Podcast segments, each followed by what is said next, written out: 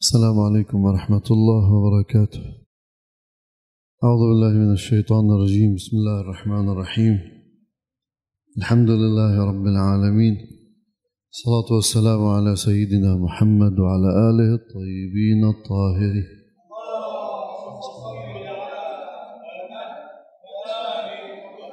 تحدثنا عن رسول الله الشاب المتعفف الحليم الحيي الصادق الأمين الذي يقف مع قضايا الشباب المظلومين وينتصر للمظلومين من الظالمين. ولذلك قلنا دخل في حلف الفضول الذي يبعد الاعتداء على الأعراض وعلى الضعفاء وعلى أموالهم في دار ابن أبي جدعان. وهذا يعطي قلنا نموذجا للشباب خصوصا الذين يتحلون بموائز الجمال أن لا يستغلوا شبابهم في معصية الله سبحانه وأن ينخرطوا في الأعمال الخيرة التي تؤمن يعني مصالح المجتمع كما هو حلف الفضول الذي دخل فيه محمد صلى الله عليه وآله بينما لم يدخل في حرب الفجار التي كانت فجر فيها في أشهر الحرم وانتهكت فيها الحرمات. وحتى لو قلنا أن بنو هاشم كانوا يعني من المظلومين في هذه الحرب لم يدخل في هذه الحرب لأن كانت الأسس باطلة بينما في حلف الفضول كانت الأسس عادلة أسس أخذ الحق للمظلوم من الظالم. عندما كان يعتدي شباب مكة على تجار وعلى المسافرين وعلى النساء وغيرها ويستغلون شبابهم دخل في هذا الحلف لكي يرسي قواعد الصدق والعدل والابتعاد عن ظلم عن ظلم الناس. بينما لم يدخل في حرب الفجار من ناحية عشائرية كما يدخل الكثير من الناس. الناس اليوم مثلا تتحزب للفئة تتحزب للجماعة للحزب للعائلة للعشيرة. رسول الله لم يكن كذلك على الإطلاق وهذا برسم كل شباب المسلمين لا تتحزبوا لطوائفكم ولا تتحزبوا لجماعاتكم ولا تتحزبوا لعشائركم. فهذا محمد صلى الله عليه وآله عندما رأى أن حرب الفجار أسسها باطلة يعتدى فيها البعض على الآخر لم يدخل حتى مع أقربائه من بني هاشم وعمومته الذين دخلوا في الحرب. خلافا للرواية التي تقول بأنه لم يساعدهم في الحرب ولكن ساعدهم في النبال يعني خلي لهم النبل في كبد الأقواس. لا في أيضا كلام آخر نقله المؤرخون منسوب للنبي أنه لم يشارك فيها على الإطلاق لأن أسسها باطلة. ولذا كل شاب مسلم يرى بأن محمدا صلى الله عليه وآله هو صاحب القيم الكبرى والمثل العليا في الأخلاق والعدالة الإنسانية والإيمانية. لا بد أن يفكر قبل أن يناصر عشيرته وحزبه وجماعته. لا كما يحصل عندنا بمجرد أن يقول لك زعيمك في الحزب انزل إلى الشارع بتنزل أقفل الطرقات بتقفل الطرقات. اجعل الناس تعساء في بيوتهم وفي سياراتهم ما في مشكل. طالب بحقوق الزعيم والطائفة بتنزلوا كلكم سوا. أما طالب بحقوقك اللي هي مشروعة لإلك إذا زعيمك مش راضي حتى حقوقك ما بتنزل الطالب فيها. بينما إذا الزعيم نخانا نتف صغيرة أو جماعة الزعيم بنخرب الدنيا. هاي طوائف تعتبر طوائف محمدية. هاي طوائف جاهلية. هاي نفس العشائر التي كانت والقبائل التي كانت قبل الإسلام عندما ينادي مناديها يا لثارات العشيرة أو القبيلة تهب هبتهم وتقوم قيامتهم. وإحنا نفس الشيء في كل الطوائف سواء كنا سنية أو شيعية أو درزية أو اللي بدك إياه من هاي الأسماء. إحنا هالشكل. وإلا في حدا يتعقل؟ يدرك الحكمة أنا ليش نازل؟ في حق؟ في قضايا حق أو قضايا باطل؟ إذا كنت تنتسب إلى رسول الله رسول الله دخل في حلف الفضول لم يدخل في حرب الفجار. هذا رسول الله صلى الله عليه وآله. وعندما أصبح في عمر الخمسة وعشرين وكان محط أنظار أكثر يعني نساء قريش وبني هاشم و لجماله وعفته وشبابه. وهذه الصفات التي يتحلى بها. طيب. فالروايات كثيرة أن خديجة استهوته بعد تجارة لها وإحنا قلنا أنه في حديث حديثنا الماضي أنه لم تستأجره لا خديجة ولا غير خديجة. ونعيد القول بأن رسول الله لم يخرج في تجارة أحد على الإطلاق ليش؟ لأن اليهود والنصارى كتابهم جعلوا مثل هذه الرحلات وجعلوا لقاءاته في هذه الرحلات مع بحير الراهب ومع ذلك الحخام وهو ليقولوا بأن محمدا إنما جاء بدينه من اليهود والنصارى ولا هو مو نبي مرسل من السماء. وإحنا سمعنا حديثا سمعنا حاخام كبير الحاخامين في مناقشة ظهر في جامعة أو كذا شاب جامعي عم بأشكل عليه أنه شو اللي بيثبت أنه أنتم على حق وأنه محمد بن عبد الله ليس على حق؟ جاوبوا هذا الجواب. جاوبه بأن القرآن كتبه له أحد الحاخامين و ثم عندما انتصر محمد قتله من بني قريظة.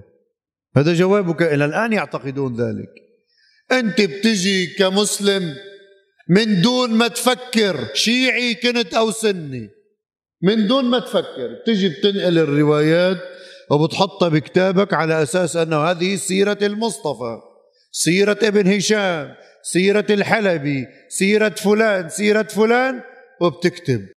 طيب أقدم تاريخ منو اللي كتبه منو؟ تاريخ الطبري ابن كثير البداية والنهاية طبقات ابن سعد. روحوا شوفوا تواريخها. تواريخها بعد رسول الله ب 250 سنة و300 سنة. كيف كتبوا هذا التاريخ؟ كيف؟ أنا الآن اليوم أحدث على الملأ وأمام الكاميرا بكلمتين تحرف والنص موجود وإحنا في عصرك. حتى أنتم قاعدين عشرة عشرين ثلاثين الذي هن. كل واحد بيفهم شكل من كلامي وأنتم قاعدين والنص أمام أمامكم. طيب كيف هذول بعد 200 سنة كتب تاريخ. أخذتوه أخذتموه عن النصارى. ولذلك قلت بأنه هذا سعادي وفلان كتبوا كتابات وجعلوا وقالوا بأن هذا العبقري محمد بن عبد الله أخذ دينه من الرهبان الذين كان يلتقيهم في أسفاره. وقت اللي قلت بالنجف طلعوا لي بعض الجماعات وقالوا هذا كذب. لا مش كذب. أنتم جماعة ما بتقروش. أنتم جماعة ما بتقروا ولا بتحركوا عقولكم.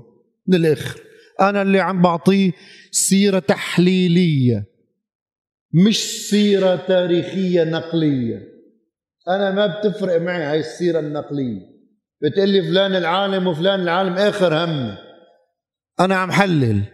مش معاجبك لو بالتلفزيون لو بالفيسبوك. ما تحضرش. بس تجي بجهلك وغبائك. حتى لو كنت من أهل العمة. تجي بدك إنك تفرض هذا خلاف ما كتبه فلان وفلان.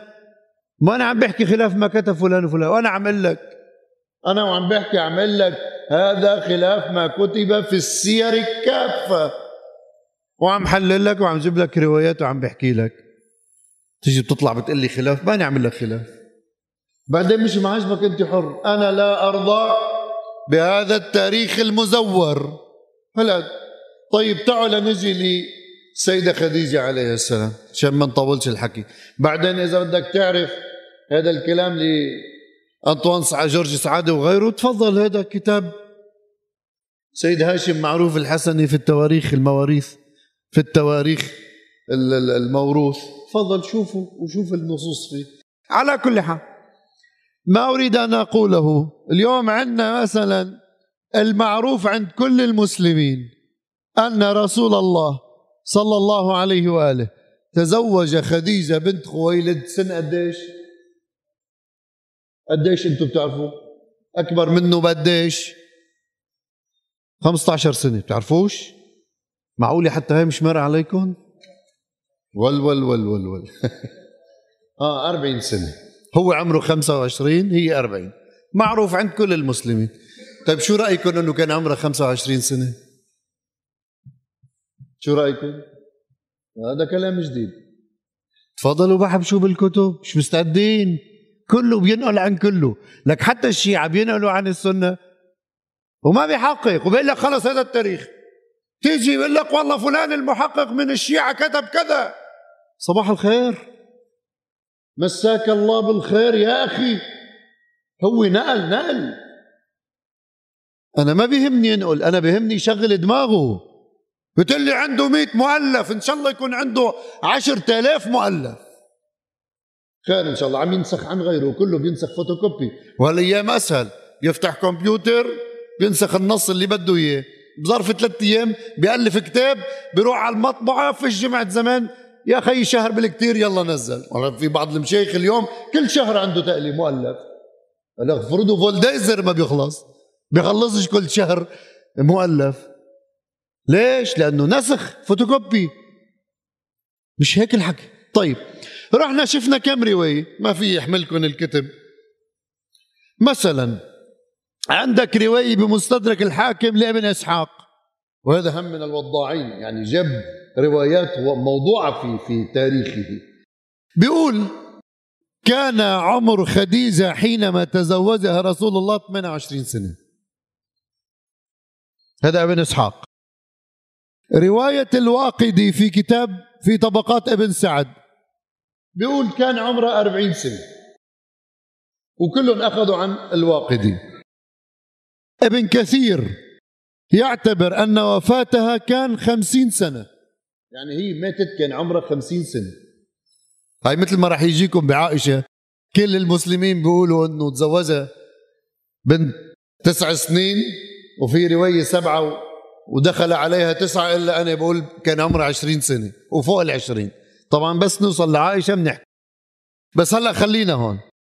طيب عم بيقول هذا أخونا أنه ابن كثير شو اسمه؟ ال ال ابن كثير يعتبر أن وفاتها كان عن خمسين سنة. طيب إذا عمرها خمسين سنة ماتت هي ماتت أي سنة؟ سنة العاشرة بعد البعثة. شيل عشر سنين. أربعة. وتزوجها النبي كان عمره 25 سنة. شايف؟ يعني قديش بدك تشيل؟ كمان 15 سنة. يعني كان عمره قديش؟ 25 سنة. إذا ماتت بنت 50 شايف؟ والنبي تزوجها ابن 25 أنتم احسبوا عملية حسابية بسيطة. نبي عمره 25 وهي ماتت سنة العاشرة بعد البعثة. مش بعد الهجرة. بعد البعثة. من 25 عمر النبي ل 40 وقت الوحي. 15 و10 بعد البعثة 25 وماتت عن 50 سنة. يعني كان عمرها وقت اللي تزوجها قديش؟ 25 سنة. وين خديجة اللي عمرها 40 سنة؟ هلا البحث مش كل هالقد له فايدة. بس بدي أفرجيكم التاريخ قديش في كذب. مش مهم عنا في الإسلام إنه والله بيتزوجها عمرها أكبر منه بعشر سنين أكبر منه بعشرين سنة. ما مشكل. مش كثير في مشكل. بس وقت اللي أنت بدك تيجي تعمل لي أنه والله خديجة تزوجت أول واحد. طلقته. أو مات ورثت مصرياته. رجعت تزوجت ثاني واحد. كمان مات أو طلقته. وأخذت مصرياته. وضمتهم إلى مصرياتها. فصار مال خديجة كبير. اجى محمد أخذ لك كل مصرياتها واستعملهم في دينه. وبتعرفوا أنتم المصاري؟ بتعمل مذهب وبتعمل دين. يعني عم بشوهوا صورة نبيك من حيث شوف شوف هاي التفاصيل ما لها طعمة بس هاي التفاصيل عم تقول لك إنه النبي استعمل مال أول زوج وثاني زوج ومال خديجة لدينه. يعني عم عم عم تخرب لك صورة نبيك من دون ما تشعر. والمسلمين مسطلين الحمد لله مثل كأنهم ضاربين شيء. شو بيسموه هذا؟ شو بتسموه؟ ضاربين هذا اللي ما بعرف شو خلص مصدعين هن وكتبهم. ما بيصير. التفتوا للروايات شو شوي؟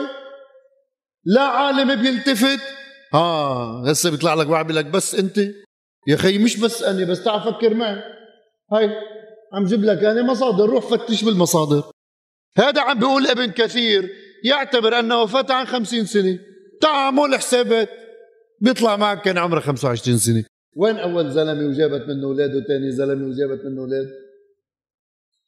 واستعمل مص... واستعمل مصرياته طيب أنا وأنا بدي أضرب لكم مثل بسيط. حتى تشوفوا يعني بس كمقاربة. أنا مثلا مكتوب بتاريخ ميلادي 25 أيار 69 شايف؟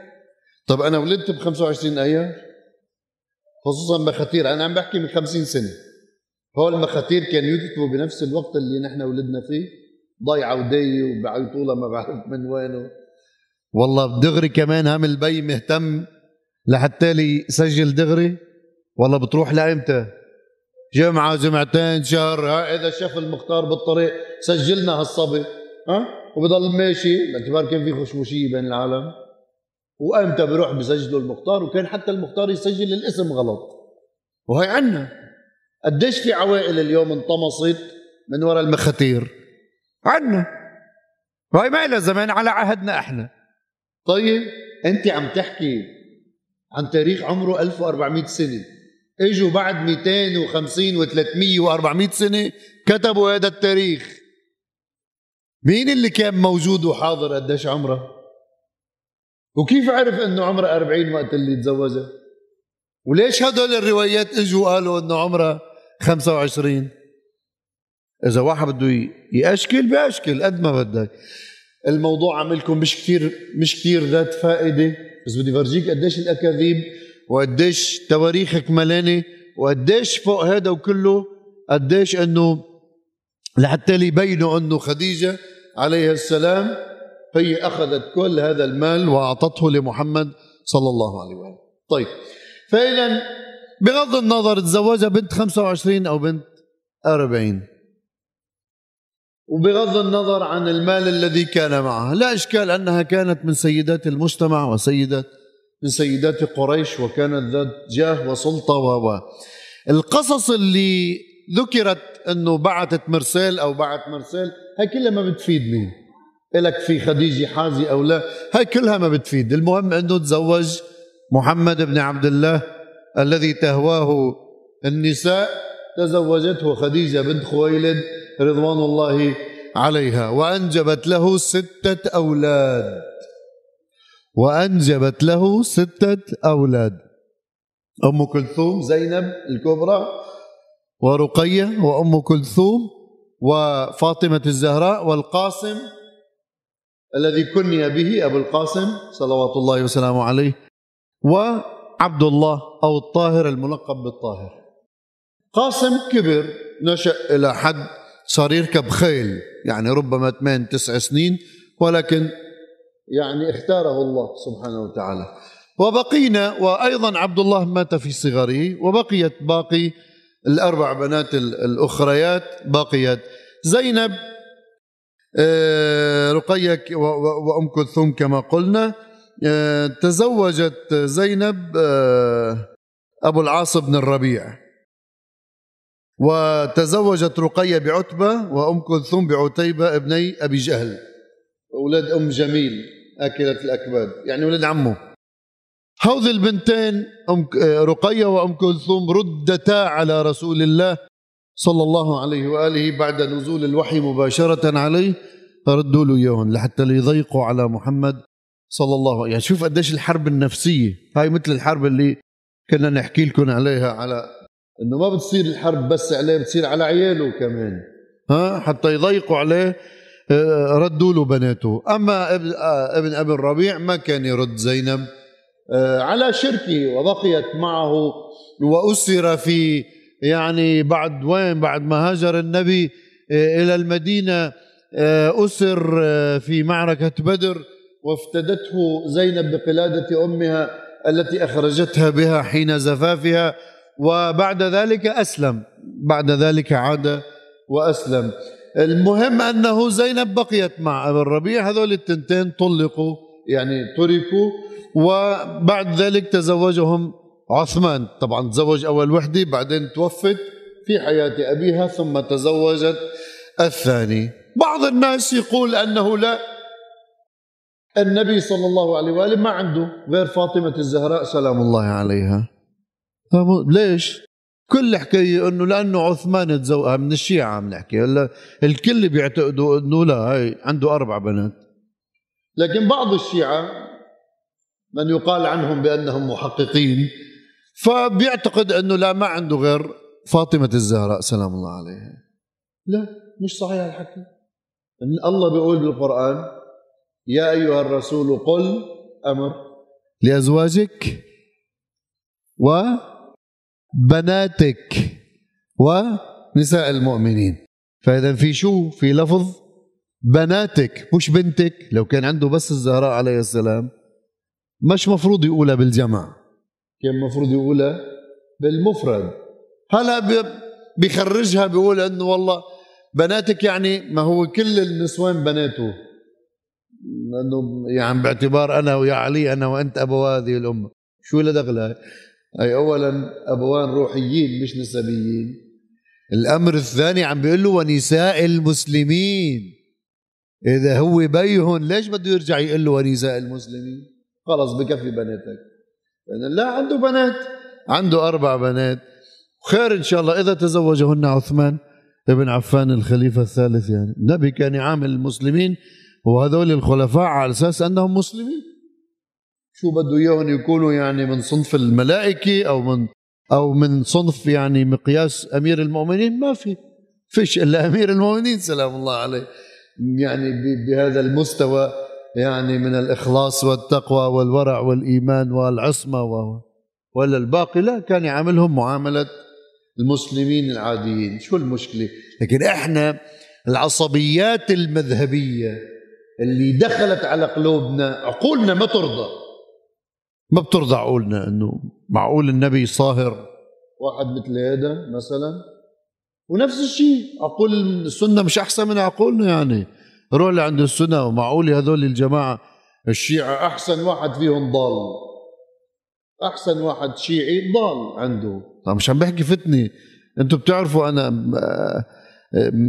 يعني من أكثر الناس ضربا للفتن الموجودة. عم بحكي طبعا بالمجاميع العلمية. الناس العاديين يمكن لا ما بيعتبرونا ضالين. بس المشايخ أكيد. ما في ولا شيخ بيعتبر خليني أحسن الظن يعني وأقول بعضهم. بس الأكثر بيعتقدنا ضالين إحنا فرقة ضالة. ونحن نفس الشيء نعتقدهم ضالين. يعني الحمد لله متساويين بهذا بهذا الجانب متفقين السني والشيعي مع الأسف الشديد. على المستوى الديني طبعا هذا شيء غلط. لا النبي كان عايش مع الصحابة صحابته سواء كانوا صالحين هذول الصحابة أو لا. لم يكونوا صالحين. أه نفس الشيء الإمام علي عليه السلام كان عايش معهم وكان يدخل إلى دار الخلافة ويسدد الأول ويسدد الثاني ويسدد الثالث. حتى قال عمر ما أبقاني الله لمعضلة ليس لها أبو الحسن.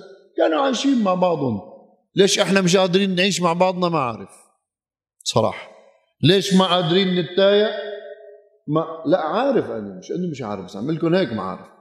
لأنه إحنا ما بدناش. ولا الأصل إنه السياسيين بيلعبوا فينا. المخابرات الأمريكية هلأ وقبل البريطانية تلعب فينا وإحنا تفشنا وشوف على رأية السوريين. فيش أشطر مننا. ما بيصير هيك. شوي دينكم دين وحدي دينكم إيمان دينكم دين تعاضد تكاتف. لا إحنا ما بنحبش بعضنا. ما بيصير. لا يا أخي عنده بنات وهذول بناته صلى الله عليه وآله. وآخرهم طبعا السيدة زهراء عليه السلام التي كانت متميزة من بين أولاده من حيث كونها معصومة طاهرة شملتها آية التطهير وآية يعني آه، آه، سورة الدهر وآية المباهلة وكان لها تلك المكانة التي عرفنا الله سبحانه وتعالى منزلتها ومقامها عنده جل وعلا. عرفنا مقامها من خلال هذه الآيات ومن خلال إخلاصها فلا يجوز لنا أن يعني نرفعها إلى درجة التأليه والألوهية ولا إلى درجة فوق زوجها وفوق أبيها كما مع الأسف نسمع مثل هذه الأيام. ها؟ فلهذا كله غلو والغلو شرك بالله سبحانه وتعالى. لا بد أن نبتعد عنه. أكتفي بهذا المقدار لندخل بعد ذلك في نزول الوحي. وما أدراك ما نزول الوحي؟ وكيف وصفوا رسول الله صلى الله عليه وآله عندما نزل إليه الوحي؟ في روايات أنه جن. أصابه المس. في روايات أنه أصابه المس يعني أدركه إبليس. في روايات أراد أن ينتحر. في روايات إن شاء الله إذا وفقنا الله والحمد لله رب العالمين.